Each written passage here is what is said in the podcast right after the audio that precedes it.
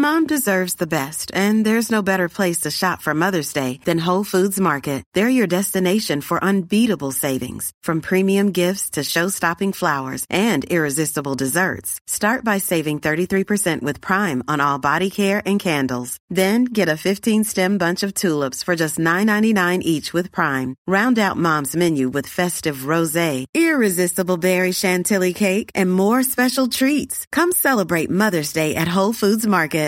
Quality sleep is essential. That's why the Sleep Number Smart Bed is designed for your ever evolving sleep needs. Need a bed that's firmer or softer on either side? Helps you sleep at a comfortable temperature? Sleep Number Smart Beds let you individualize your comfort so you sleep better together. JD Power ranks Sleep Number number 1 in customer satisfaction with mattresses purchased in-store. And now save 40% on the Sleep Number limited edition Smart Bed for a limited time. For JD Power 2023 award information, visit jdpower.com/awards. Only at Sleep Number stores or sleepnumber.com. Hallå! Simon Gärdenfors heter jag och snart börjar min podcast Arkivsamtal. Den 17 november så kommer jag och Peter Wahlbeck till Malmö och kör stand-up på Malmö Brewing Company and Tap Room. Fåtal biljetter finns kvar på gardenfors.blogspot.com. Jag och Johannes Finnlaugsson kör stand-up i Tokyo den 28 november. Info på nyss nämnda blogg. Tack till alla som bidrar ekonomiskt till den här podden och min övriga verksamhet på patreon.com arkivsamtal eller på swishnummer 0760 72 47 28. Och ni som inte gör det ännu, var lite schyssta. Säg tack för all gratis underhållning du tagit del av genom åren. Men om du är luspank så kan du väl åtminstone följa mig på Instagram. Där heter jag atgardenfors. Men nu kommer Arkivsamtal som klipps av Marcus Blomgren. Mycket nöje!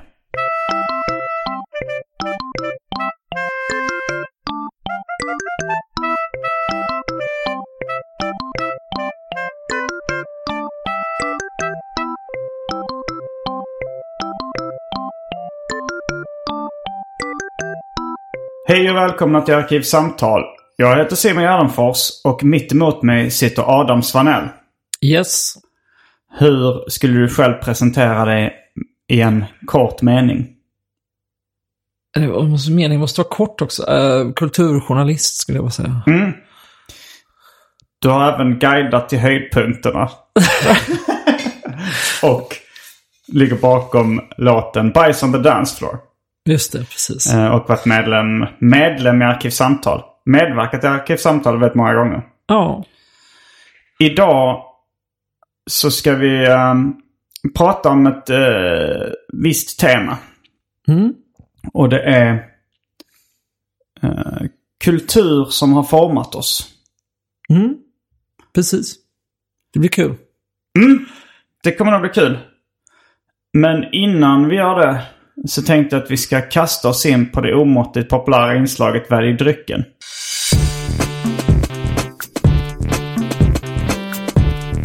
Jag tror vi börjar med det fasta inslaget Välj drycken!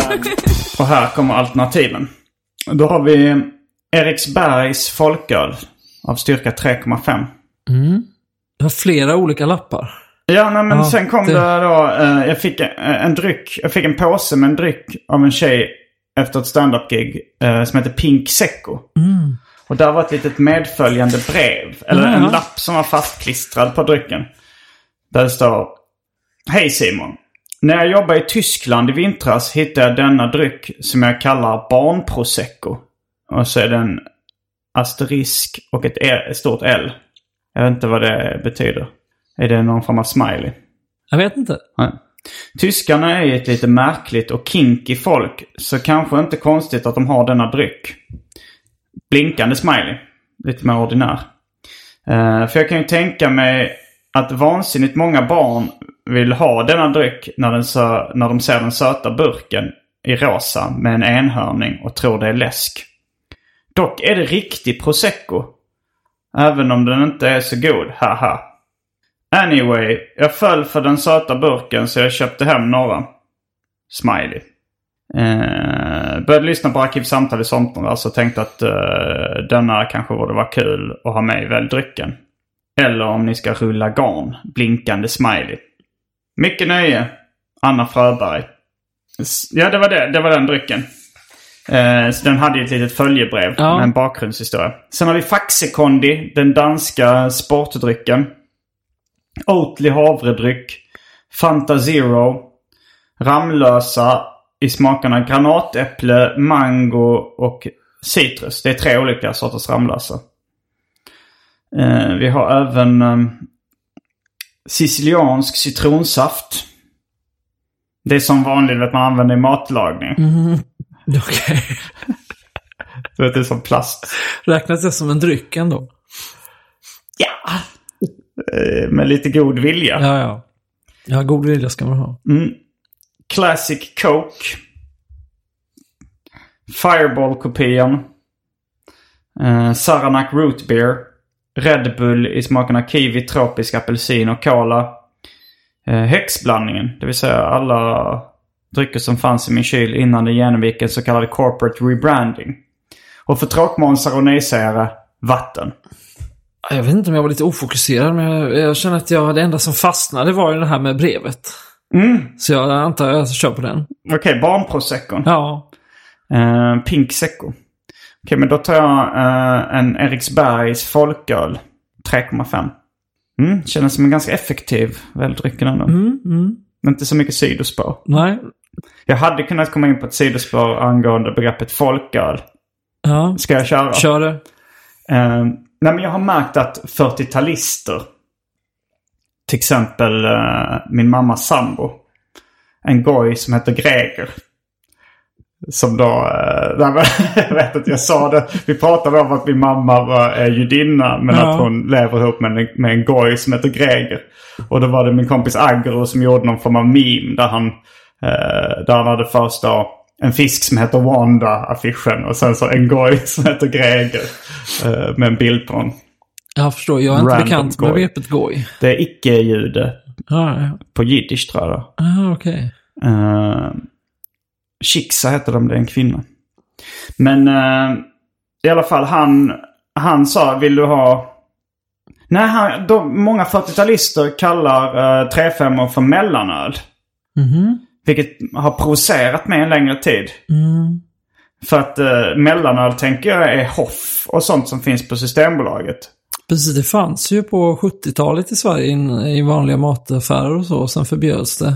Då Ja. var det ju typ 4% i, tror jag. Men då var det... Eh, jag, kom, jag blandar ihop om det var volymprocent eller viktprocent. Men det var skillnaden då för att då så stod det typ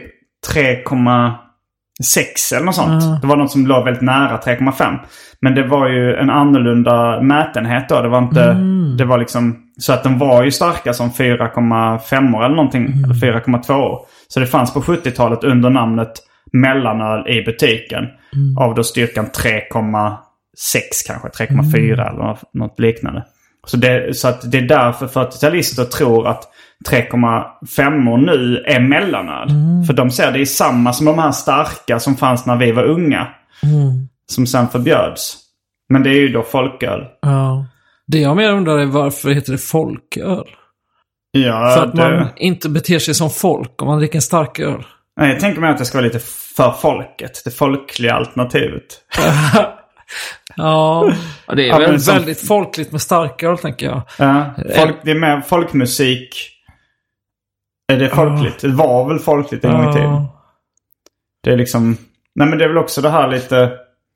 Man tänker folk art och folk music. Det är ju det här outbildade, lite mer råa, äkta liksom. Wow. Ja, det var nu, Ja. jag, jag saknade någon form av sidospår väl drycken, så där kom det. Där kom det. Men då är vi strax tillbaks med eh, dryckerna. En folköl och en barnprosecco. Kända från det omåttligt populära inslaget Välj drycken.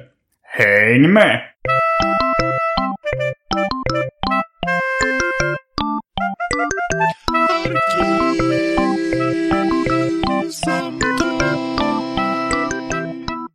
Då är tillbaks med dryckerna. Eh, jag tar ett grönt ölstop av klassisk modell. Och du fick i någon slags hand handblåst glas eller handgjort glas. Som jag fick av någon tjej som jag träffade på en standup-klubb. Som sa ah, här får du ett glas. Jag tyckte det var lite konstigt att hon gav mig ett glas. Men Ja. det var, jag fick då efter ett tag reda på att jag var ett andrahandsval. Att hon hade tänkt ge det till någon annan komiker. Kanske Elinor Svensson eller Sandra Ilar eller någon som hon var ett fan av. Men eftersom den andra komikern inte var där så fick jag glaset. Hur vanligt är det att du bara får konstiga grejer? Ganska vanligt. Ja, ja. Eh, Mycket dryck för jag ju. Ja. Eftersom jag har det här inslaget kvällsdrycken. Eh, Men det händer. Men då, eh, hur var barnproseccon? Jo, men, För den var 10% i alkoholstyrka. eller? alltså det var som en Som en vanlig lite barnprosecco. sämre så här rosébubbel. lite, lite... um, Ja, det var lite ovanligt att sur för att vara så billigt bubbel. Mm, och för Men jag förstår vad barn hon menade uppskattar här. Precis, den ser ut... Den ser ut som en My Little Pony Absolut. förpackning eller någonting. Mm. Wonderland Secco. Ja. Mm. Härligt. Då är vi igång. Um, Då är vi igång. Det var Så. du som valde det här temat. Vad, hade du någon särskild um, tanke bakom? Nej, det hade jag nog inte. Eller jag, jag tror bara jag tänkte på, kom att tänka på olika hur, hur påverkad, speciellt då liksom under vissa unga tonår, man kunde bli av kulturella fenomen, kanske mm, populärkulturella fenomen, kanske vissa specifika böcker eller filmer eller, eller sådär. Det var, jag pratade nog, jag kommer inte ihåg vilken bok, något sånt jag pratade om men, eh, häromdagen. Och sen kom jag på, fan vad den har påverkat mig. Det finns ett gäng sådana böcker. Men jag tänkte eftersom jag under nu 330 avsnitt verkligen har tjatat ut mina förebilder. Ja. Eh, det, det, vi kommer säkert komma in på några av dem men vi kanske ska ha lite mer fokus på, på dig.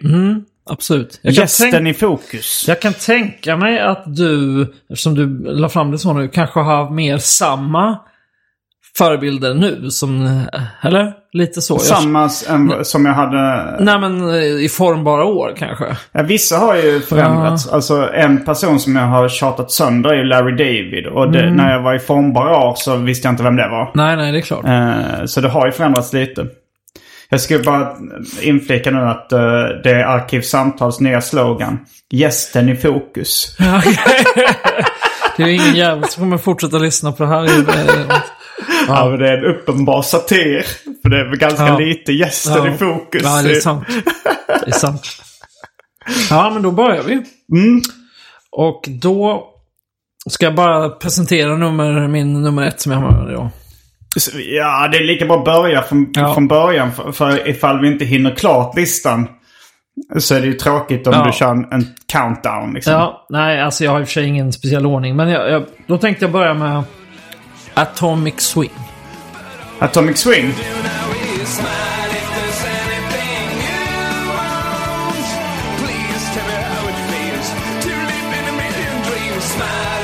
Ja, att det, det är då ett, eh, ett popband från 90-talet i Sverige va?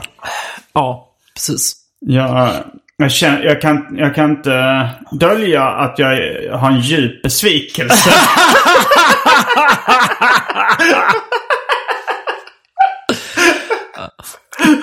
Ja, Det är svårt. Ja. Att det var det första du nämnde.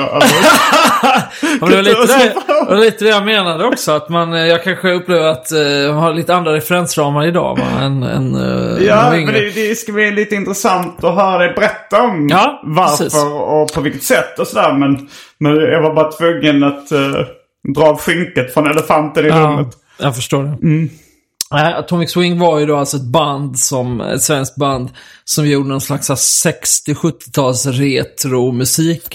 Ja. Med väldigt nödrimmade texter. Stone Me Into The Groove. Ja, Ja, brukar precis. min brorsa spela den låten. Precis, det Jag var var deras inte så förtjust. Okej, genombrottssingel. mm. Ja. Och jag var väl, jag tror jag gick i fyran eller femman när den här skivan kom. Mm. Och jag hade väl fram tills dess haft liksom ett musikintresse. Fast jag inte hade någon riktig, hade inga skivor knappt eller så. Ingen minns- riktning. Nej, ingen riktning. Jag minns Men- att jag hade en skiva när Det jag här gick var. CD-skivans tid va? Ja, precis. När CD-skivan kom där så minns jag att jag fick en CD-skiva. Mina föräldrar som var Kurt Olssons ännu större hittar. Men påverkar inte den dig? Och Alltså, man för jag kanske med- tänker ändå att din, när jag lärde känna dig sp- speciellt, då var du lite mer liksom en buskiskramande individ. Och Kurt Olsson är ju lite åt det hållet. Jo men kanske, men det kommer, jag har ett annat mer sånt exempel här Okej, längre ner på ja. listan. Men, men, eh, men då tror jag att jag liksom lyssnade så mycket på musik som typ en, en många människor gör några timmar om dagen. Fast jag hörde bara på Kurt Olsson på repeat. Så det här har jag liksom hört min familj, min familj ondgöra sig väldigt mycket om efter hur hemskt det var den här tiden. Var Dala-rap med på den skivan? Eh, ja, det var den. Mm, det, det är ju inte då Kurt Olsson utan hans sidekick. Agne. Agne, nej nej nej. Det, du tänker Arne, Agnes förlåt. Arne. Förlåt, Arne heter han ja. Arne ja. Ja. eh, han gjorde då en, eh, en av de första svenska rapsinglarna. En Dala-rap. Arne, Arne, han är bra. Han är jättebra. Han är otroligt bra. Ja, Den kan ni säkert hitta på YouTube om ni blir sugna på att höra Ja. tidig svensk rap. Precis. ja. Men sen då någonstans där på mellanstadiet så började det här gå över i något lite mer, lite mer riktigt musikintresse. Och då av någon anledning så blev jag helt besatt av Atomic Swing. Blir du besatt av dem? Alltså, ja, ja, ja, det kan vi bjussa på. Ja, men det var väldigt mycket Atomic Swing. Jag vet inte riktigt varför. Nej. Men det var ändå ett otroligt, ett otroligt intresse. Och jag minns att jag fick så här... Jag fick tv- tvinga min pappa att gå med och när jag skulle gå och se dem. Och de liksom, jag var ju bara 11 då eller någonting. Och så här, vi fick gå Var och se skulle de spela då? Åhusparken. Var Ja. de stora Atomic Swing då? Ja, det var de nog ändå. Alltså rätt kända i Sverige och så. Vi- alltså i sti- vilken storleksordning skulle du säga? Alltså som den svenska björnstammen stora? Nej, lite större. Lite större, okej. Men ja, alltså däromkring ändå tror jag. Mm. Men det var kanske lite mer så på den tiden. Det var ju lite mindre diversifierat. Att, att det var mer alla monokultur. Ja, men... Och jag minns ju även att jag var med i deras fanclub. Mhm, de hade en fanclub. De hade en fanclub. Vad hette klubben och Jo. medlemmarna? Eh, medlemmarna i klubben. Nej, men jag tänkte ibland finns det ju som så här, är det Slipknots så. medlemmar som heter Maggots? Ja, Och liksom att Ja. uh, Ja, Lady det var här som var grejen var att, att den hade ju ett fyndigt namn då. Eh, den hette The Swingers Club. Mm, fyndigt. Problemet var ju att jag som barn inte tog den här referensen. Eh, jag hade aldrig hört talas om en swingersklubb. Nej. Eh, Så då var det när man gick med så fick man ju en t-shirt eh, hemskickad. Mm. Så det stod så här, det var en bild på de framsidan, så stod det stort på ryggen så Join the Swingers Club. så jag, det var ju min liksom favorit-t-shirt under väldigt lång tid. Dina föräldrar reagerar inte på Mina det? föräldrar var ju lite frikyrkliga, så de kanske var liksom, nej de, Var det pingstkyrkan? ja. Så de, nej, de reagerade inte heller på Nej, det. för de känner inte kanske heller till fenomenet. eller? Nej, jag de tänkte nog inte på det. Nej, jag tror inte det. Nej.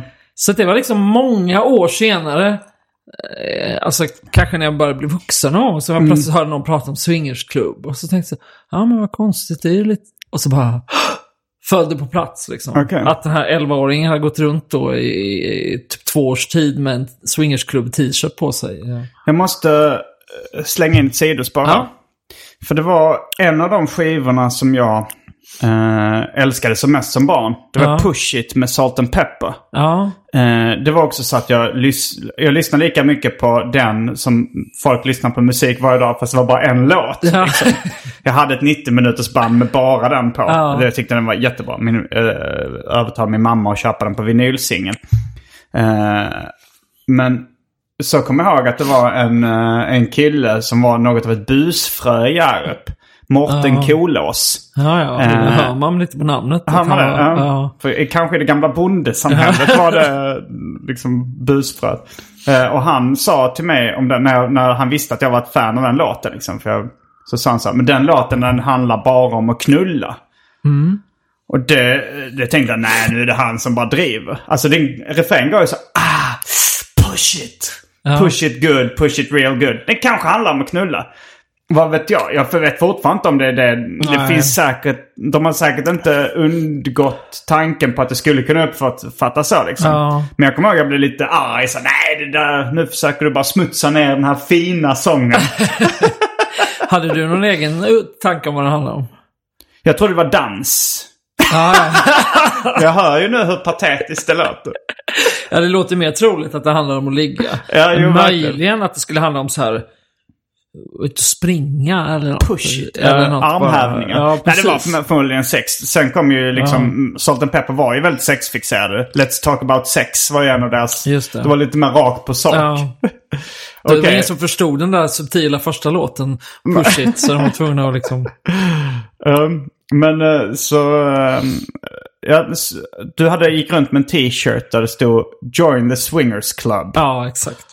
Under hela din barndom. Och Ja. hur, hur blev du varse om den subtila... Nej, det var liksom långt senare när jag någon gång läste något om swingersklubb och förstod vad det var. Och liksom eh, att, eh, ja. Men det kan på riktigt varit när jag var typ 20. Eller jag vet inte riktigt, jag kommer inte Nej, ihåg. i och för sig. Alltså, just swingers-fenomenet. Det prat... Det var inget som var omtalat i tonåren direkt. Nej, Liksom. alltså jag kommer ihåg det kom kanske lite några TV4-dokumentärer om swingersklubbar och sånt där. Ja. Eh, men då var jag, jag var nog också ganska gammal när jag fick reda på det begreppet, vad det Ja. betydde. Mm. Nej men så att, alltså, men jag tänker, jag ser ändå på det här eh, Atomic Swing-intresset som någon slags första eh, antydan till något som ändå skulle så här, betyda något för mig. Det vill säga, liksom bara allmänt att ja, de hade ju väldigt konstiga kläder.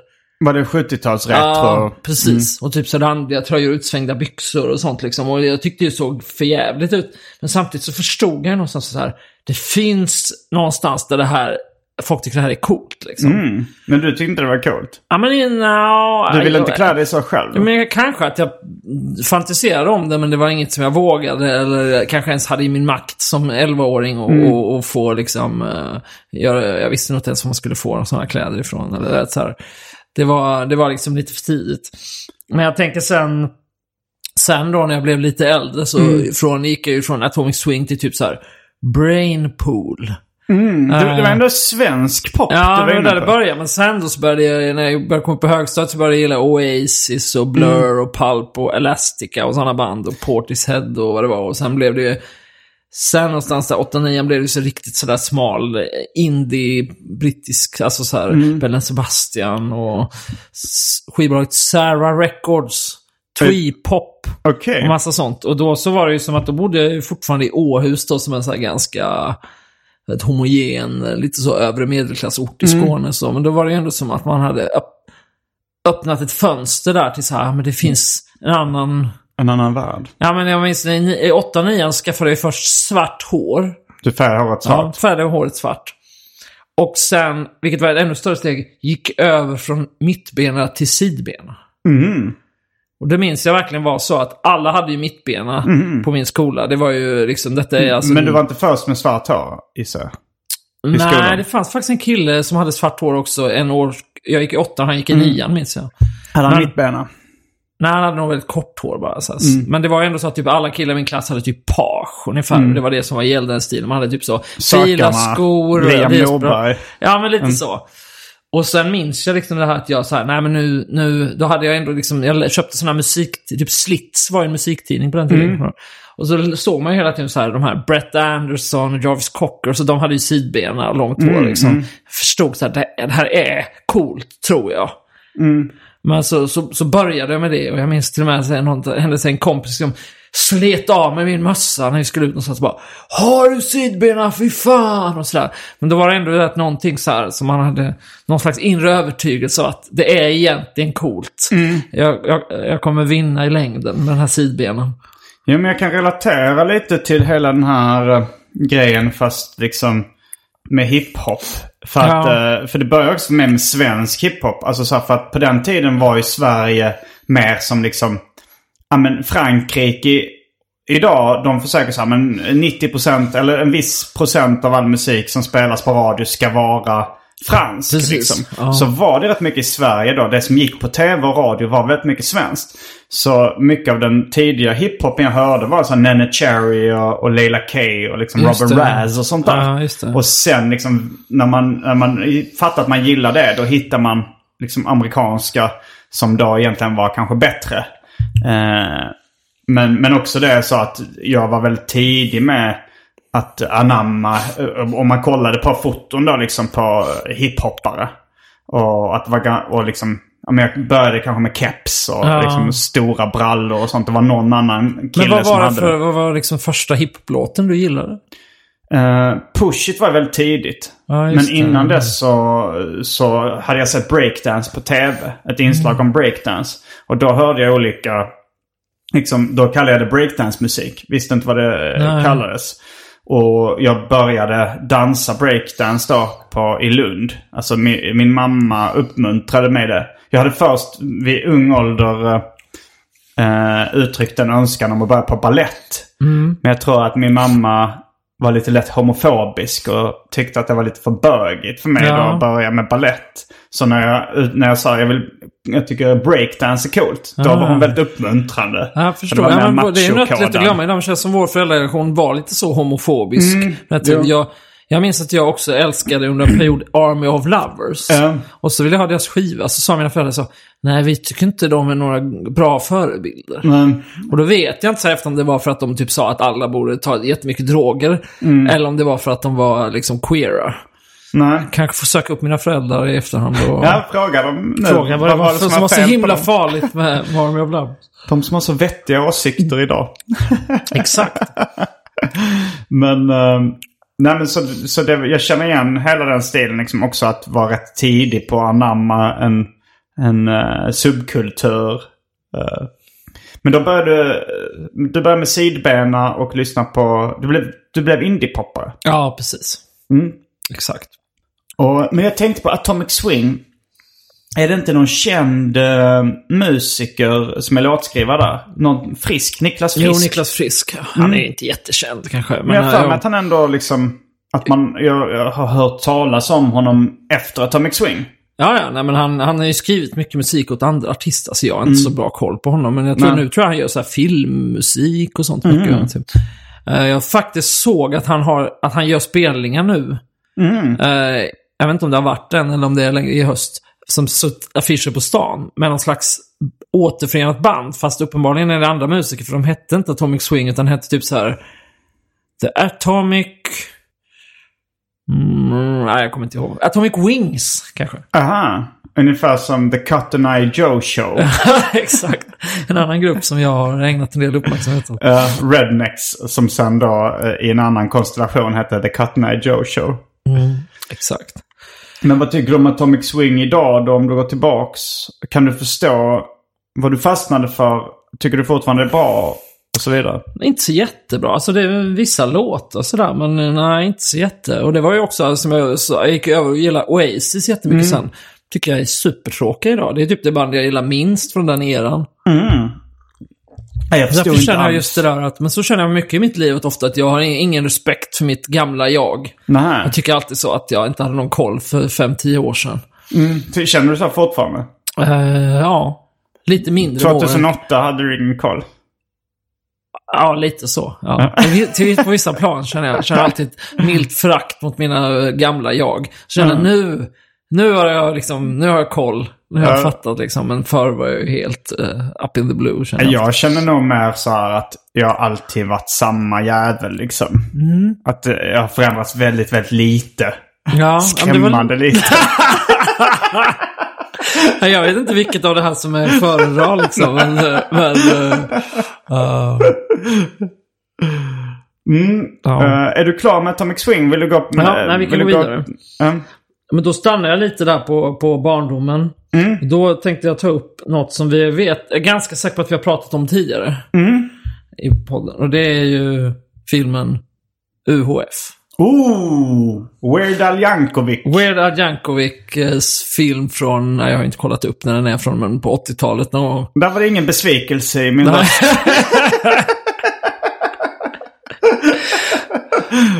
Det är ju, eh, ja ska man berätta lite Ja, då? För att det, mm, dra det, det alltså jag minns, jag kan berätta det så blir det liksom en metagrej. Att jag Mm. minns att innan jag sett den, att min bror berättade om den. Mm. Han har varit hemma hos sin kompis Daniel Lindholm och sett Mm. den här filmen.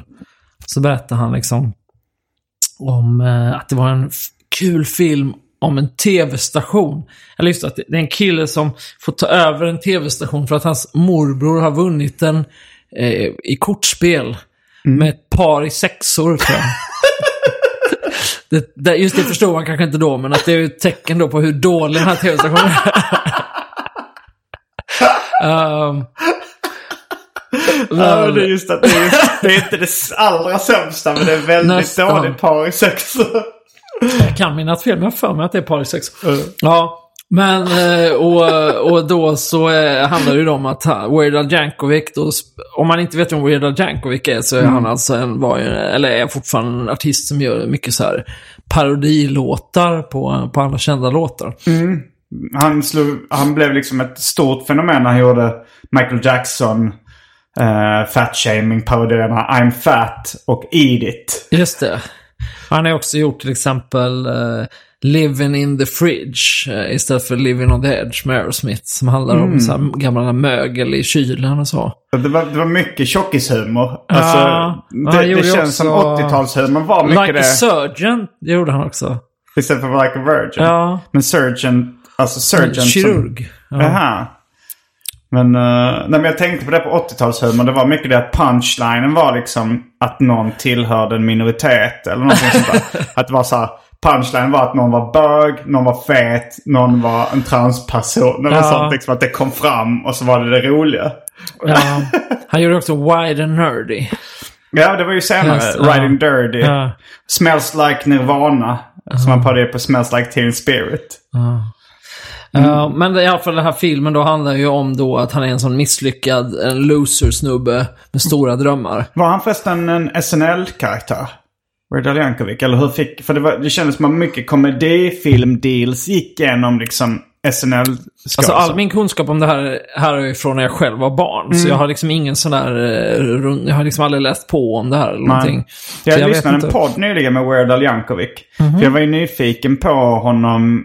Att hans föräldrar dog och han blev misstänkt för att ha dödat dem. Ja, just det. det Eh, Men det visade sig att det var... Eh, nej men att det hade blivit stopp i deras öppna spis så att de hade dött av kolmonoxidförgiftning.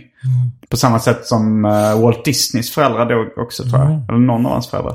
Eh, men det var, ju- då tänkte jag så här, men om han heter Weird Al Yankovic, att han blev lite misstänkliggjord bara genom namnet. Men egentligen var det att han typ, eh, att han fick det namnet när han bodde i studentkorridor och spelade banjo. Och då, han var väl bara en spexa och de tyckte han var lite weird för han satt och spelade banjo liksom. Eller vad det var. Ja, men ni, ko ni komiker har ju ett mörker, det vet ju alla. Så att... Alla utom Jesper Rönndahl. Han hävdar att han aldrig haft ångest. Ja, jag kan se det. men... eh, nej, men... eh, och i den här filmen då så handlar det ju väldigt mycket om, det var det min bror berättade också, om att det var de här inbyggda parodierna på kända filmer i, i filmen. Liksom. Eh, och jag in- Conan the Barbarian. Ja, och detta tyckte jag var jätteroligt trots att jag inte hade sett några av de här. Alltså, för mig var det tvärtom då, jag såg den här parodin på Indiana Jones, på, på Rambo, på Conan the Barbarian och så vidare. Och innan liksom. Mm. Så sen när jag såg Indiana Jones, då var det som att det var parodin på något sätt. Ja, det blev väldigt Det här du såg dem innan? Nej, jag såg de filmerna sen. Alltså du såg jag- UHF först och ja, ja, sen... precis. Exakt. Eh, ja men, det, men alltså de funkar ju också att bara berätta med ord. Alltså man hör så här Conan the Barbarian och det då... För, för den parodin det är ju en kort sketch. Ja. Det handlar om att eh, de startar en tv-kanal och sen så har de lite olika lösa tv-program i Ja. den. Så, så visar de det som liksom nästan som korta sketcher. Ja, Och då, som eh, klipps in liksom. Så har de då, visar de Conan the Librarian.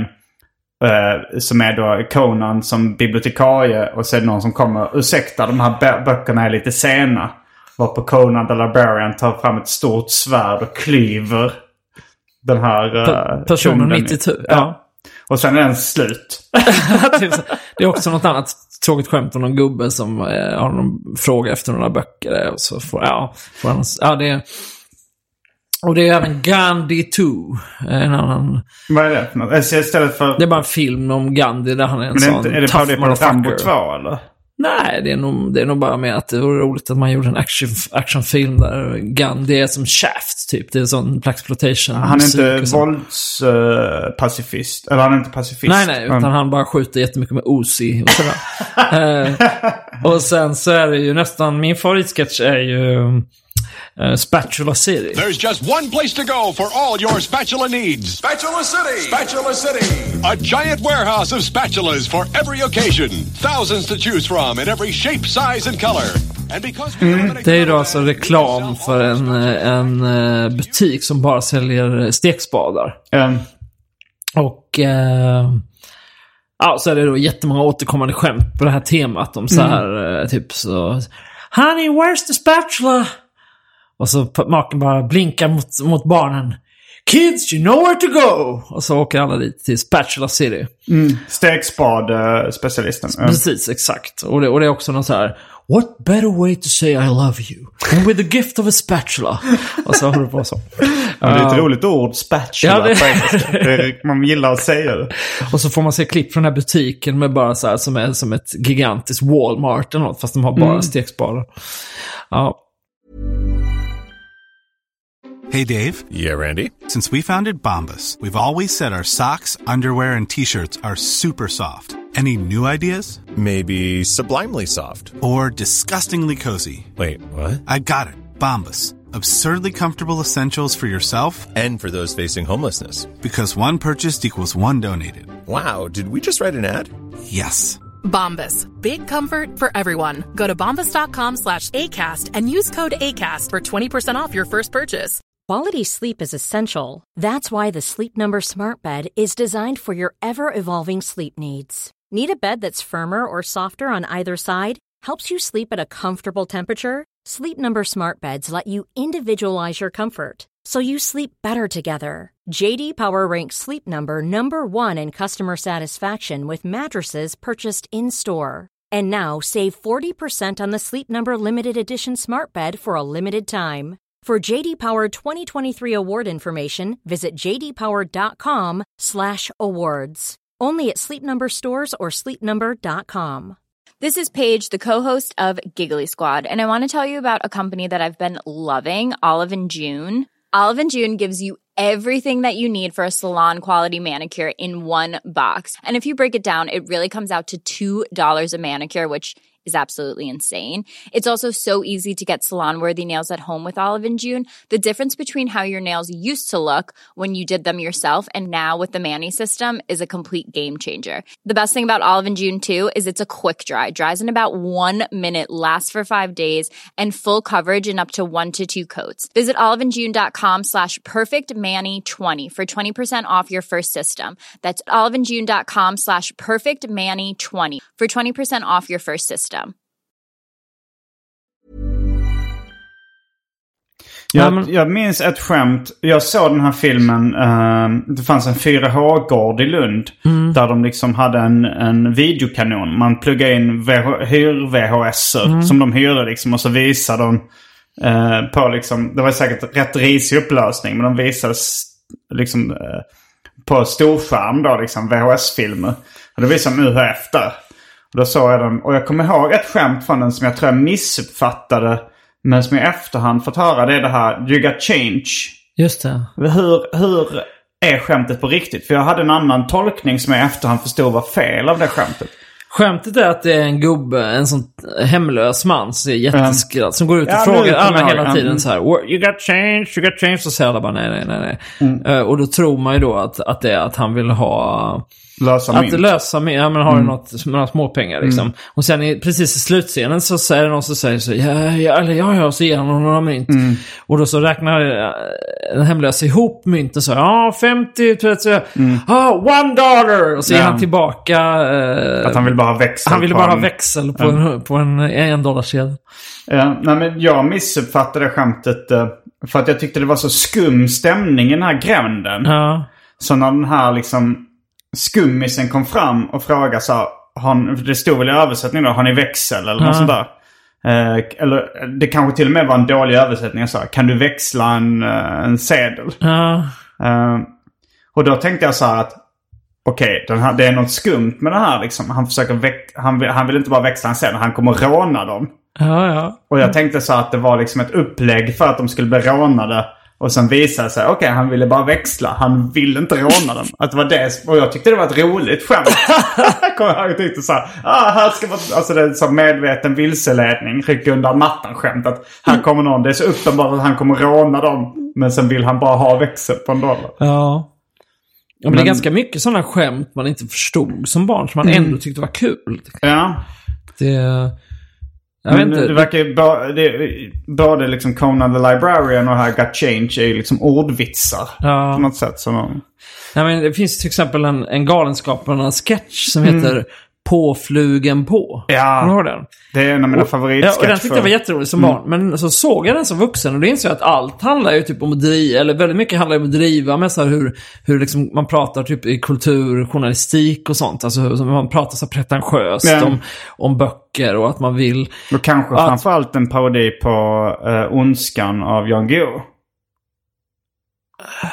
Tänk, det, det tänkte jag i efterhand att, eh, att, nej men att för det, den kom väl, den sketchen kom väl då när liksom Ondskan hade hyllats ganska mycket som en naken skildring av Jan Fast Guillous. hyllades den så mycket då? Jag tänker att det var mer en stor. Nej, jag vet inte. Jag, giss, jag jobbar mycket med gissningar. Ja, ja. Men att han var kon, en kontroversiell författare Ja. liksom och så. Men, men det Men i kanske alla är fall nu annan- liksom, när jag har jobbat i den världen så, så ser jag ju den så ser jag att det är verkligen en parodi på allt. Sånt. Han har alltid kallats kontroversiell. En gång snöt han sig i svenska flaggan. och, eh, och han, de här böckerna heter ju sånt som så Säng gav en son. Och sånt. Alltså det är väldigt så. Längtan vid min mosters... Min svågers radhus. Ja. Och sen slänger de in Kitty på en häst. Ja, ja. men, du vet, så, men jag förstod ju ingenting av detta mm. som barn. Men sen då tyckte man att det var superroligt. Ja, ja. Ja. ja, jag har verkligen exakt samma känsla. Ja. Det, som barn älskade sketchen. Fattade inte vad den handlade om. Men jag tyckte det var svinrolig. Och sen så när jag förstod att det var liksom en parodi då och tänkte Ja. så här, men, Det kanske var i och för sig andra saker man gillade. För det jag minst tyckte var roligast i sketchen när jag var barn. Vad är det han säger så här? "Eh, Den ena, de är ju då i en röd stuga och sitter och intervjuar. Han är hemma hos den här författaren. Och så blir han arg då, programledaren säger så. Stick härifrån! Men så här, jag bor ju här. just det, Det- jag tyckte också var svinroligt.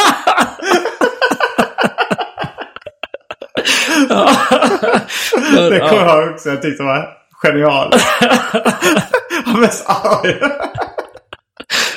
Ja. Men i alla fall, eh, ja.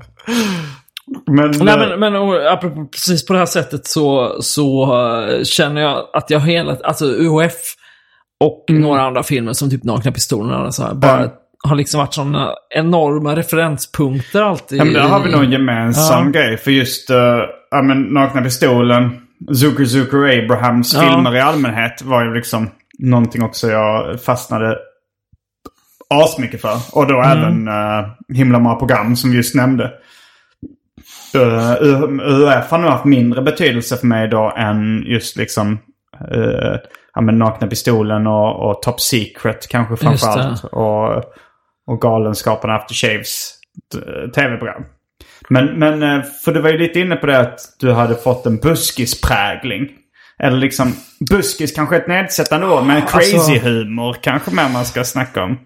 Ja, alltså jag tror att det är din värld. Jag tror inte de flesta jag känner eh, associerar mig till det i första hand liksom. Nej, men du var väl mer som förr när du höll på i 50 Hertz i det bandet. Och ja, där, där var det väl, där var det ju så här, ni poserade med lösöron och... Jo, jo och absolut. Nej, liknande men grejer. Mm. absolut. Jag har alltid haft en dragning. Jag bara menar, även under när vi lärde känna varandra Mm. under de åren. Då höll jag ju på med en massa andra mer, andra band som inte var så också. Alltså så att det... det Seriösa band eller? Ja, precis. Det visste jag inte. Det säger väl en del. Men, men du vet, så att jag känner väl, har alltid... Eh, Jag har, väl- ja, jag har väl alltid eh, kombinerat... Eh, Men det var någon lyssnare som skrev in så här. Adam Svanell, ni har pratat om mycket grejer men liksom. Men eh, hon var jättestort fan av det var 50 Hertz. Ja. Att hon uh, sa, varför har ni pratat så lite om 50 Hertz? Eller sånt ska det. ja, det är intressant. Det kanske är ett Mm. eget avsnitt. Jag tror vi pratade om någon gång... Ja, vi har nog För länge det. sedan, när, när när vi gjorde den här återföreningen. jag Ja just det, ja, om. det tror jag också. Ja. Ja. men ja, nej visst, det, det är klart. Jag bara menar Mm. den historieskrivningen att jag...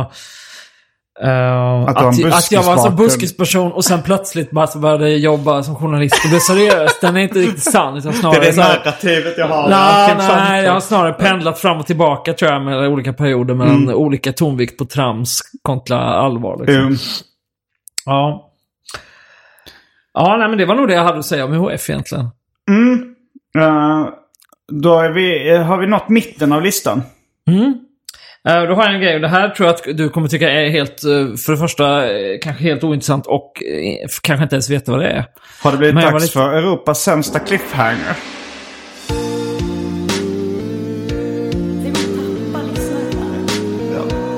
Europas sämsta cliffhanger. Nu ska vi rycka av skynket från... Jag kan skynket från det här. Nej, men jag var lite osäker, men du frågade mig om du menade just sånt som formar en som barn, eller om det var nu mer i vuxen ålder.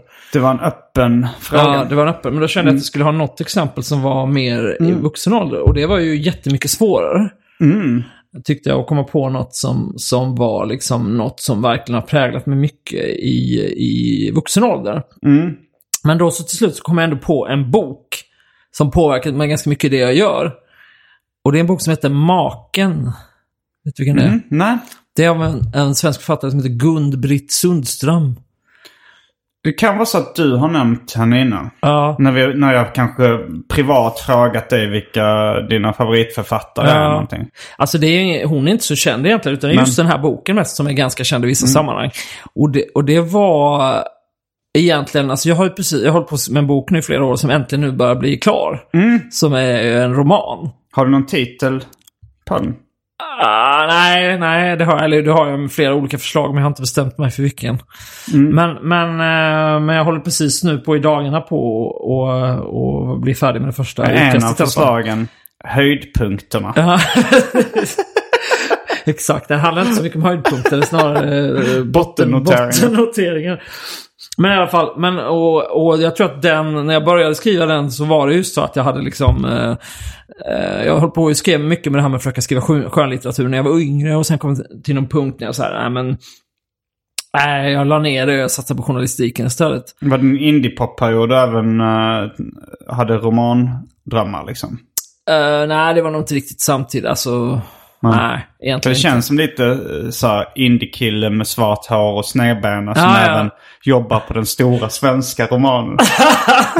Ja, nej, det var finns inte riktigt... The Great American Novel är mer ett begrepp än den stora svenska ja, romanen. Generationsroman Ja. brukar vi prata om på svenska. Men, nej, men, och då så, i alla fall så för några år sedan då så var jag ändå så här, men jag kanske skulle ta upp det där igen i alla fall. Och då läste jag den här boken då. Eller, eller Maken? egentligen så Hur var hittade du den då från början? Ja, men den är känd i, i, oj, i, i vissa kretsar är den känd liksom. Så det är inte så att den är helt obskyr. Men jag väl, det var nog min kompis- Känns som en bra bok bara. Eller? Eh, Ja, eller just så här bra relationsskildring och också typ sådär. För då när den kom på 70-talet då ansågs den också vara sådär typ feministisk. Men det tror jag inte man tänker så mycket på idag kanske. Men mm, utifrån dåtidens liksom könsroller och så. Så är hon väldigt själv, liksom huvudpersonen är väldigt så självständig och, eh, och sådär. Men eh, det var väl också så att jag gjorde, ett- du vet Lena Andersson, författaren. Hon har skrivit de böckerna om Ester Nilsson. Som är de här... eh, Jag har inte läst någon av dem, jag har bara hört talas om dem. Men, eh, och de böckerna, då minns jag att jag gjorde ett reportage där jag följde med henne runt. Hon, eller jag, en fotograf, åkte runt i Sverige och skildrade liksom när hon bara åkte runt och pratade på olika små Folkets hus i Vellinge och sådär. Mm. Och då, de här böckerna är ju då, hon har ju fått väldigt, folk har ju läst dem väldigt mycket som att de handlar om henne själv. Det var väl Eh. också hennes relation eh, Precis, med Roy, Andersson gick ut och sa Mm. det är mig det handlar om och så. Själv säger hon ju då att det inte alls är så. Mm. Men, ja, och det behöver inte gå- in på hur det ligger till, men, men... eh, Men hon hade en jag- relation med Roy Andersson. I verkligheten. Annars hade han nog inte sagt Nej, så. det utgår jag från att hon hade. Men, och då så frågade jag henne av så miljarder frågor man, man frågar. Så frågade jag någon gång så här. Men hur har det gått för Ester Nilsson sen tror du då, efter böckerna? För böckerna handlar ju bara om att hon försöker få ihop de olika män som bara behandlar henne dåligt. Och då sa hon typ, nu tror jag att, eh, att Ester har, eh, har hittat kärleken och har en, lever i en kärleksrelation. Typ så. Och då minns jag att jag själv var i en relation som var ganska jobbig just då. Så jag var väl lite så här, men ska du inte skriva en bok om det då? Hur, hur det är? Eh, Allt det här jobbiga och stökiga som lätt blir en relation och massa, liksom, massa undertryckta känslor och sånt. Och då var så nej det tycker jag är helt ointressant. Så reagerar du likadant som jag? Lite så. Eh, och jag gjorde kanske tolkningen då eh, lite att så, det kanske var lite too close to home på något sätt. Men, men Tror du, fall- tror du, verkar det som att hon levde i en kärleksrelation? Ja, det visst, gjorde hon ju. Okej, Ja. det visste inte jag men... Ja. Eller, ja, Nej, nej, då, nej. dålig koll på hennes privatliv. det är ursäktat för det. Ja, men, och sen i samma veva då så läste jag den här boken som är lite så. Som är det, den handlar ju om så Du här... läste Maken Ja, ja, precis. Och som inte var skriven av henne Nej, utan nej, det är av precis. Gun... Gun-Britt Sundström. Okej. Mm. Och det är liksom en relation, en bok som handlar så här om en relation som pågår i fem år. Mm. Men det är liksom en typ sorts anti-kärlekshistoria, om man ska säga. Det finns inget av det här vanliga lullet om så här, åh, det var så magiskt och bla bla, utan den är väl ganska så krass. Eh, typ det börjar med, istället för det här, så här kärlek vid första ögonkastet, så börjar den med så här att, eh, hon, att den här killen ringer henne och vill bjuda ut henne på dejt. Och så tycker hon typ så att han är ganska ful och att han har fult namn och verkar tråkig. Typ så här. Men hon har inte träffat honom? Jo, de har träffat sig någon gång. Sådär. Och sen så går hon ändå med och sen på något sätt så växer det ändå fram och blir någon slags relation i alla fall. Och sen så är de ihop ett tag och, eh, och sen så försöker de göra slut. Men så kommer de inte, kan de inte liksom låta bli varandra ändå och så blir de ihop igen. Och sen börjar de ha en läsa känner så börjar man en öppen relation. Eh, och det är nästan där det blir alla intressant. För det handlar väldigt mycket om så här, hur man kan ha så irrationella känslor i en relation. För då är det till exempel när de har en öppen relation så är det så hon huvudpersonen då. Hon tycker så här att hon kan ha en annan älskare vid sidan av och känna att det är så här. Jag vet inte om jag kan återge det här, men hon beskriver på ett bra sätt. Hon säger, men det har ju ingenting med det att göra som jag har med min kille. Det är ju två helt olika saker. Han behöver inte känna sig hotad av det. De fyller ju olika funktioner i mitt liv. Samtidigt som hon då säger, är jättesvartsjuk på hans mm. älskarinna och tycker att det är liksom att bara jagas av de tankarna och så. Jo, jo, det kan jag ju relatera till, absolut. Så det är ganska Eh, mycket men sånt hur, liksom... hur, alltså, är den, den är inte uttalat självbiografisk den boken? Nej, fast faktum är, jag har inte läst den, men det kom ut nu bara för några månader sedan. Så kom det ut hennes, eh, Gun-Britt Sundströms typ dagbok från de åren. Eh, som heter Skrivliv. Och där framgår det tydligen att den är jättemycket baserad på hennes eget Det är eh, ingen liv. jätteskräll. Nej, det är väl inte det. Det är väl inte det. Ja. men, eh, ja, nej, men jag bara kände den eh, boken påverkade mig mycket när jag började skriva min egen roman. Och sen tror jag att den har påverkat mig också bara allmänt i typ vilken typ av saker jag har skrivit om de senaste åren. Och när jag började med romanen så blev jag in så jag var liksom mer och När mer... ham- läste du den här maken för första gången? Ja, men fyra år sedan då kanske. Har du läst den mer än en gång? Nej, det har jag faktiskt inte. Ja, jag blir jättesugen på att läsa nu. Alltså Ja, jag är men- också eh, väldigt förtjust i liksom, relationsdrama. Ja, men typ som den är. Alltså det är lite som typ scener ur ett äktenskap eller något Som sånt. jag såg faktiskt för första gången eh, för ett par veckor sedan. Ja, och ty- gillade jättemycket. Ja, eller hur? Men Jag såg någon Facebook-diskussion nyligen om några som var så Såg om scener ur ett äktenskap. Fy fan, den var ju så pajig typ så här. Och då orkar inte jag ge mig in i det. Men jag såg den för kanske fem år sedan. Jag minns som jag tyckte den var alltså skitbra. Ja, det är jättebra. Jag, Ja. Men jag har sett väldigt lite Bergman. Ja. M- men jag bara tänkte att ja, men jag gillar relationsdrama. Och, eh, och den var ju... Ett, ja, men jag förstår att han, att han blev eh, stor inom den genren. Ja, ja, men just därför den här boken har ju lite också att den liksom verkligen närstuderar just den dynamiken. Det är ofta de här ganska futtiga små situationerna och så här. Som Jo. är, Men, eh, jo, men att man skildrar det här ganska naket. De fulaste känslorna i en kärleksrelation. Liksom. ja, precis. Att, eh, att man inte riktigt väjer för när man är som sämst känslomässigt. Det är väldigt eh, intressant. Ja, precis. Men den ska jag fan läsa. Det är ett skitbra tips. Ehm, ja, jag vet inte hur det ligger till här, men då går jag vidare till nästa punkt. Ja, det, det är den sista på din lista eller? blir, ja, ja, men precis. Jag hade några reserver mer för att fylla ut, men Ja, nej, men jag tror, inte. eh, jag tror vi, vi kör. Vi kör vidare. Ja. Den sista är mer väntad, tror jag, i alla fall för, från ditt håll. Och det är ett väldigt öppet, egentligen allting av Woody Allen. Ja, alltså på ett sätt så det mesta du nämner nu förutom Atomic Swing kan ju alltså så mer eller mindre re- relatera till. Ja, Alltså den här typen av tramshumor och den här typen av eh, relationsdrama som är ärligt och naket. ja, Och eh, Woody Allen, han är, han är också mycket eh, ärlig och naken relationsdrama. Men också en, en tramskomiker Jo, i, precis. i, till viss del. Jag tror det. Och klart, det är ju liksom nu, nu eh, är ju Woody Allen liksom inte så uh, poppis nu för tiden med hela alla metoo-historier och sånt som han är. Men, men eh, Ja, metoo just är väl inte riktigt... Alltså, så Jo, han har ju blivit, det har blivit i ropet igen, på, eller dis- diskuterat Mm. igen på grund av det. Men jag tänkte så här, det spelar ju... Nu handlar det om vad som har påverkat mitt liv. Och Ja. det, då, ja, då, då är det ju så helt enkelt att Woody Allen känns svår att undvika. Mm. För att jag tror, precis som det som du sa, så var det just där... Alltså det var ju ganska tidigt jag såg han, Alltså jag tror att det var när jag gick på högstadiet eller någonting. Mm. Och eh, det var någon kompis storebrorsa som snackade om Woody Allen. Och så såg Mm. jag väl typ Annie Hall och, eller Manhattan, jag kommer inte ihåg. Mm. Och då, men då var det just det att det fanns ju ett spår av det där med tramshumorn liksom. Mm. Den fa- han har ju verkligen en sån ådra. Han började ju som liksom stand-up-komiker där det var väldigt mycket tramsiga, Ja, ja, liksom, verkligen. surrealistiska skämt nästan. Eh, precis, och han, på sätt och vis så är han liksom en inspiratör till dem då, eh, liksom allt det här som jag redan gillade. Men så samtidigt då så har han ju liksom, samtidigt så är det så kärlekshistorier och jag menar jag tror att jag redan också i den åldern gillade egentligen typ romcoms och typ så här Notting Hill och sådana filmer. Men det var ju väldigt liksom lite töntigt att gilla sånt.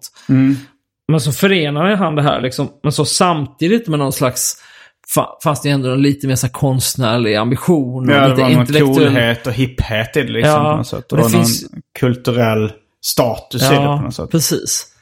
Så ibland vet jag inte riktigt vad som är hönan och vad som är ägget. Om det var så att jag började gilla och att det talade till mig direkt. Mm. Eller om det var mer så att jag började se de filmerna och så präglade det min smak. Och sen har jag, nu, sen har jag ju sett alla hans filmer. Alltså, Va? Ja, Det är många. Ja, det är någon, typ 50 kanske. Alltså alla som Jävlar, han har eh, regisserat eller skrivit. Det var någon fix idé jag hade ett tag, Mm. att jag skulle se alla. Och det är ju många som är ganska dåliga. Ja, ja jag, jag var, var verkligen inget Woody Allen-fan från början. Nej. Jag kommer ihåg när min brorsa nämnde Woody Allen eh, som en av sina favoritregissörer. Jag var såhär, va? Jag tyckte han var Ja. rätt dålig. Och jag så här, tyckte, tyckte han var rätt jobbig liksom. Men, Ja. men det var många av filmerna, alltså han är extremt ojämn. Han har gjort usla filmer och sen så filmer som är vissa, ja men Manhattan och tycker jag är en av, de, en av mina favoritfilmer. Ja. Men, ja, men jag tycker liksom, en, det är klart en del av dem, särskilt typ den här, den här Europaperioden, den här Romfilmen och så, vissa av dem, alltså är ju så riktigt pajiga. Att man får bara så här hålla fast i de små kornen som är här och var, någonting som man tycker är någon kul one-liner eller någonting. tycker de allra första också är rätt usla. Alltså så här om eh, Bananas till exempel, eller vad heter den? Eh, Bananas tycker jag är ganska det kul ändå. är det, det, den slutar med någon slags... De åker någon slags go-kart eller någonting. Genom en lada. Eller, alltså jag kommer ihåg att min, min storebrorsa Dan. Ja. Eh, han, han gillar ju Woody Allen jättemycket. Och ofta när vi eh, hängde så ville han se en Woody Allen-film. Ja. Liksom. Och så började vi kolla på, jag tror Bananas är den första filmen som, en riktiga spelfilmen då som han har skrivit manus till. Nej. Det Eller, tror jag inte. Nu eller kom- Go, Go, Go Pussycat eller något liknande. Ja, precis. Den är det. Det kanske var den vi såg. Men jag kommer ihåg bara att alltså, efter halva så sa jag så här att... För vi var ju ö- rörande överens om att den var sög. Liksom, Ja. Att den var riktigt dålig. Och så sa jag, ska vi se klart den? Liksom? Är det Ja. värt att lägga en timme till på det här? Och han sa, ja men som allmänbildning. han tyckte inte heller det var bra, men han ville såklart, man ville ha sett den som allmänbildning liksom. Men jag tycker hans första filmer... eh, Ja, men, den- inte så, men just typ Bananas är ju ganska rolig ändå tycker jag. Den Alltså, fast inte inte, den är ju en, en trea liksom. Mm, Men då var Men- han väl inte heller så eh, naken eh, Nej, nej, nej. Då var han ju helt och hållet liksom en, en eh, bara tramskomiker liksom. Eh, nej, det var ju med den Annie Hall som, som han började liksom försöka göra något typ mer seriöst. Sen har han ju gjort filmer som är mer, eh, alltså han försöker vara Bergman också, eh, all in och inte har typ ett enda skämt till den här Interiors, finns det en film som heter bland annat. Ja. Som är så. Och det är inte, blir inte heller lika bra. Utan man, jag gillar ju det som är liksom i, i gränslandet där. Men jag tror att det är liksom någonting också med det där. För han var väl väldigt Bergman-inspirerad? Ja, verkligen. Och jag gillar ju, alltså eh, den film som jag egentligen nästan gillar bäst, förutom att den har lite pajigt slut, är ju Hannah and her sisters. Ja. Och den, är ju den- väldigt Bergman-inspirerad. Om vi ska snacka kultur som Ja. har påverkat oss så är det en av de filmerna som har liksom påverkat mitt liv mest konkret. Jaha, hur då?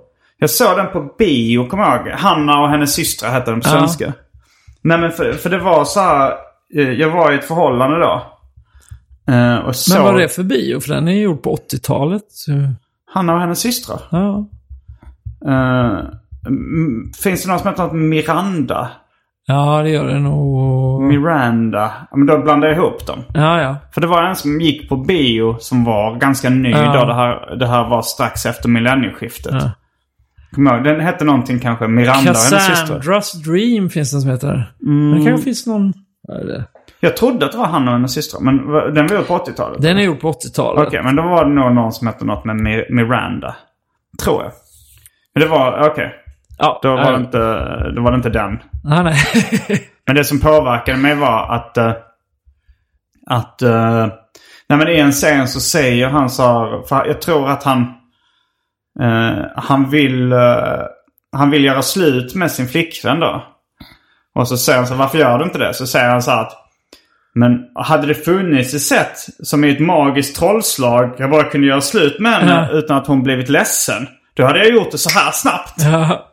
Och så kände jag så här, fan det är så jag känner. Ja. Och då bestämde jag så här, jag, kan, jag måste göra slut. Jag kan inte vara kvar i en relation där jag bara eh, är kvar i relationen för att jag inte vill göra min partner ledsen. Liksom. Eh, så då tänkte jag, efter jag sett den filmen, tänkte jag att jag måste. För det är exakt så. jag- hade det funnits ett sånt sätt att göra slut, liksom, utan att den andra blir ledsen, hade jag gjort det. Ja. Och då så gjorde jag slut efter ett tag. Då, liksom. Eller bestämde mig då i alla fall efter att ha sett den filmen. Så det var så här konkret påverkad av ett kulturellt verk. Jag gjorde även låten sen. Jag gifte mig med henne för det verkade jobbigt att göra slut. Som finns på Spotify under namnet Simon G. Men det är ju då också... Det var ju också en tanke på hur det hade varit ifall jag bara hade gått vidare. Och bara fortsatt liksom. Ja. Fortsatt relationen för att jag... eh, Och den, den låten har jag märkt att det är många som har mått så här dåligt över. För de kan relatera till att de är Ja. kvar i en relation för det verkar jobbigt att göra slut. Ja, ja. Nej, Att det, kan jag också relatera ja. Och det är ett intressant fenomen. ja, men det var ju verkligen då kulturen har förändrat ditt liv. Mm, Verkligen. Ja, jag kommer inte ihåg vad, att jag kommer jag inte pratade ihåg vad det var Nej. för, eh, för film. Alltså, men det, men, Det det, men det var ändå Woody Allen-film så det är ändå Woody Allen som har Ja. påverkat mig där liksom. Men det är inte den där, vad heter den? Och det är någon just där det är samma skådis som spelar... Det blir så just två olika... Jag tror jag gör, eh, om du... Jag tror jag pausar och googlar. Gör det. Det verkar vara filmen Melinda and Melinda Ja, från det jag menar. 2004. Precis, den handlar ju om att det är liksom två olika historier som de klipper mellan på något sätt. Jag kommer inte riktigt ihåg hur de hänger ihop men... Men eh, ja, det är förmodligen den. För 2004, det var nog ungefär då Ja. uh, jag, det där förhållandet började gå åt helvete. Eh, som jag var i då. Men du minns inte den scenen då, eller den repliken? Från, nej, det gör jag inte. Det var nog den Melinda Melinda. Jag minns även att uh, Torkel Pettersson sa satt i... Vilken skådis det var? Är Woody Allen med själv i filmen? Det tror jag inte. Nej, men då var det nog inte han. Eh, Jag bara funderar på om det är den där han från American Pie är med. Nej, det är det inte. Det, den heter uh, någonting på W.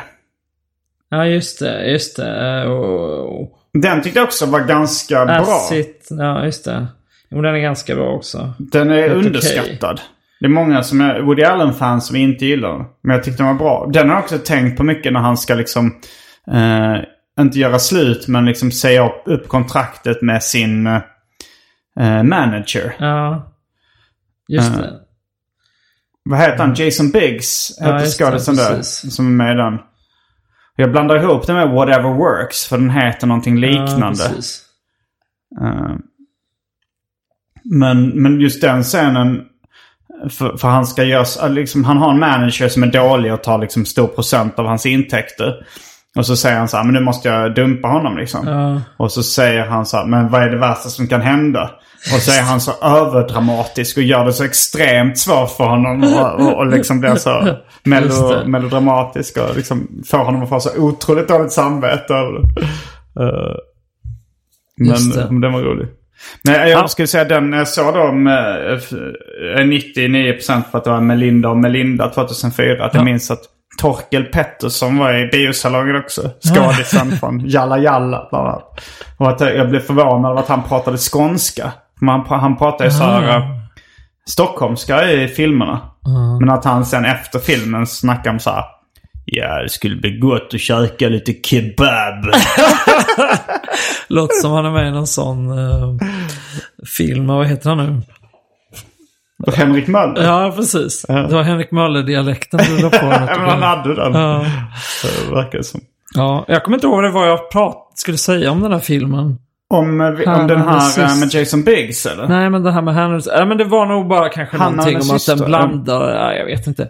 Att den blandar tramshumor. Jo, men just det. För där, jo, men så här. eh, Att jag vet att jag läste en intervju också för några år sedan med hon som har gjort Skam. Alltså den norska tv-serien. Ja. Och då sa hon så här att eh, hon hade jobbat med att det skulle vara olika genrer i olika delar av berättelsen. Att när, när de, huvudpersonerna då är sig själva, det handlar om deras liv och typ det handlar om hon Sana och hennes liksom familj och religionen och så. Då är det drama. Men när hon hänger med sina kompisar så är det sitcom. Eh, och det tyckte jag var så himla intressant. Och det också inspirerade mig just när jag skrev min bok. För då tänkte jag också på det just att många av Woody Allen-filmer jag gillar mest, de är också så. Som Han and the Sisters då. Det är ju liksom ett drama. Som han verkligen liksom är ganska eh, mörkt så. Och det handlar liksom om den här familjen och det är liksom otrohet och hit och dit. Och. Men sen så finns det den här sidstory som handlar om Woody Allens karaktär som är ju bara en ren komedi. Och, det, och så är det med ganska många av hans filmer, det här som heter Små och stora brott, det är också att det är två olika handlingar. Den ena är jätteallvarlig, den andra är ganska tramsig. Så det tyckte jag var ett ganska inspirerande sätt att tänka på också när man, när man gör någonting. Att man, Ja. kan, att man kan ha så olika uttryck i olika... Jo, men det har jag nog tänkt på också. Just uh, direktinspiration från Woody Allen. Eh, för jag tänkte, nej men eh, Manhattan då som jag tycker är en av hans bästa filmer. Slutet på den, den är inte roligt. Nej. Alltså där är det mer så här en, en ganska fin kärleksscen. Som är ganska eh, romcom-aktig liksom. Och, eh, och det tänkte jag också så nu när jag håller på med en sitcom. Att jag tänkte så här, men man kan göra ett sånt slut eller det kan, det, det kan finnas sådana inslag där det, där det inte är roligt utan bara så här eh, känslomässigt ärligt. Eller Ja. något sånt där. Att jag tyckte det var inspirerande att, så att man inte behöver låsa sig i genren. Att det måste vara kul hela tiden. Nej. Nej, men jag tror också att det är någonting, det finns någon sån känd eh, sågning av Woody Allen eh, av Joan Didion. är det en känd recensent eller? Nej, hon är, ja, men hon är så här en känd författare framförallt och, och liksom journalist. Och, eh, som jag tycker är skitbra. Men hon gjorde någon sån sågning då av Woody Allen typ när han var som störst där med gjort Manhattan och de filmerna. Att så här, i typ The New York eller vad hon skrev, så skrev hon liksom att han, han utger sig för, att sk- för att skildra människor som är så intellektuella och konstnärer och så. Men, men i deras filmer så är det ändå bara att alla är så här bara Ja, men hur, är du kär i mig då? Eller, eller hur är det nu? Eller vill du hellre vara ihop med honom? Och, alltså att det är så barnsligt, bara dokusåpa, eller så såpa tyckte hon liksom. Det var banalt. Ja. Men jag tyckte sådär, nej men det är det. Det är så det är. Typ. Ja, Så det är, väl ju det, livet Att jag även man intellektuella själv... människor har väl rätt banala känslor. Ja, jag menar liksom. det. Jag Mm. tycker när man är i den, om man är i den världen också, kulturen, så är ju folk lika intresserade av liksom skvaller och relationer som i alla andra Mm. delar av samhället och så. Så jag tycker snarare att hon liksom genom sin kritik ringade in vad, vad man gillar med filmerna. Liksom. Eh, jag tänkte också på en annan metoo-aktuell person, Louis CK. Ja. Hans tv-serie Louis kunde vara så också att, liksom att vissa eh, avsnitt är liksom ren buskishumor med slutkläm att någon fiser liksom. Ja. Och vissa avsnitt är bara så här helt seriösa, inget skämt, bara äh, ångestdrama. Ja. Det är också, tycker jag är ganska inspirerande. Att kunna blanda så friskt. Ja, jo men precis. Sen gillar jag också, vilket kanske ingen, inte Woody Allen gör lika mycket, men jag gillar ju också när det är, man inte vet, alltså när du pen, alltså en- i en scen också, att det är så här eh, tragiskt och hemskt, men lite kul också liksom. Ehm, Jo, jag gillar ju ganska ofta humor som... Nej, det är inte bara det. Jag gillar ju även UHF. Men annars gillar jag ofta humor som man även får lite ont i magen av. ja, det är inte Ja, jättemycket ångest i UHF. Nej. I början där han är lite misslyckad så. Han har fått sparken igen från ännu ett jobb och så äter han en sån twink, Twinkie Wiener Sandwich eller vad det är. Han liksom tar typ en Twinkie som Men är det är någon en slags... amerikansk uh, bakelsegodis. Ja, Liknande grej. så Mycket... tar han en korv. Mm. Han, han, gör, han delar Twinkien och så lägger han i en varmkorv. Mm. Och sen tar han typ sprutgrädde eller något på. Så blir det som en, en varm korv. Jag Fast tror jag måste se om UHF. det här låter bra. Men jag minns inte det. Ja men då är vi klara med din lista. Ja, det blev väldigt lite eh, av dig och mycket Ja, jag. men Arkivsamtal har gästen i fokus. Eh, och då är det nog även eh, slut på den här podcasten. Tack för att du tittade förbi. Tack själv. Jag heter Simon Gärdenfors. Jag heter Adam Svanell. Fullbordat samtal.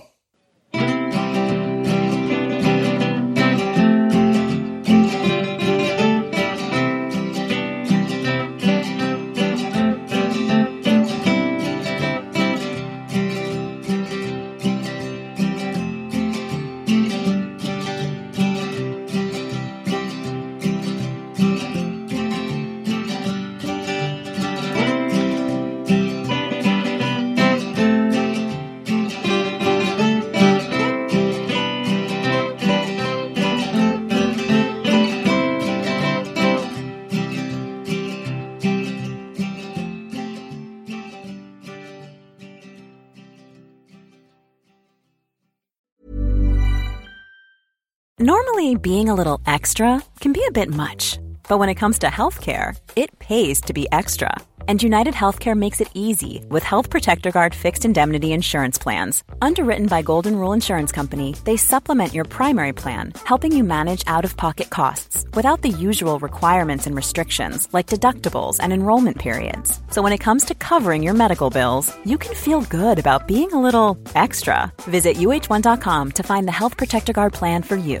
Mom deserves the best, and there's no better place to shop for Mother's Day than Whole Foods Market. They're your destination for unbeatable savings, from premium gifts to show-stopping flowers and irresistible desserts. Start by saving 33% with Prime on all body care and candles. Then get a 15-stem bunch of tulips for just $9.99 each with Prime. Round out Mom's menu with festive rosé, irresistible berry chantilly cake, and more special treats. Come celebrate Mother's Day at Whole Foods Market.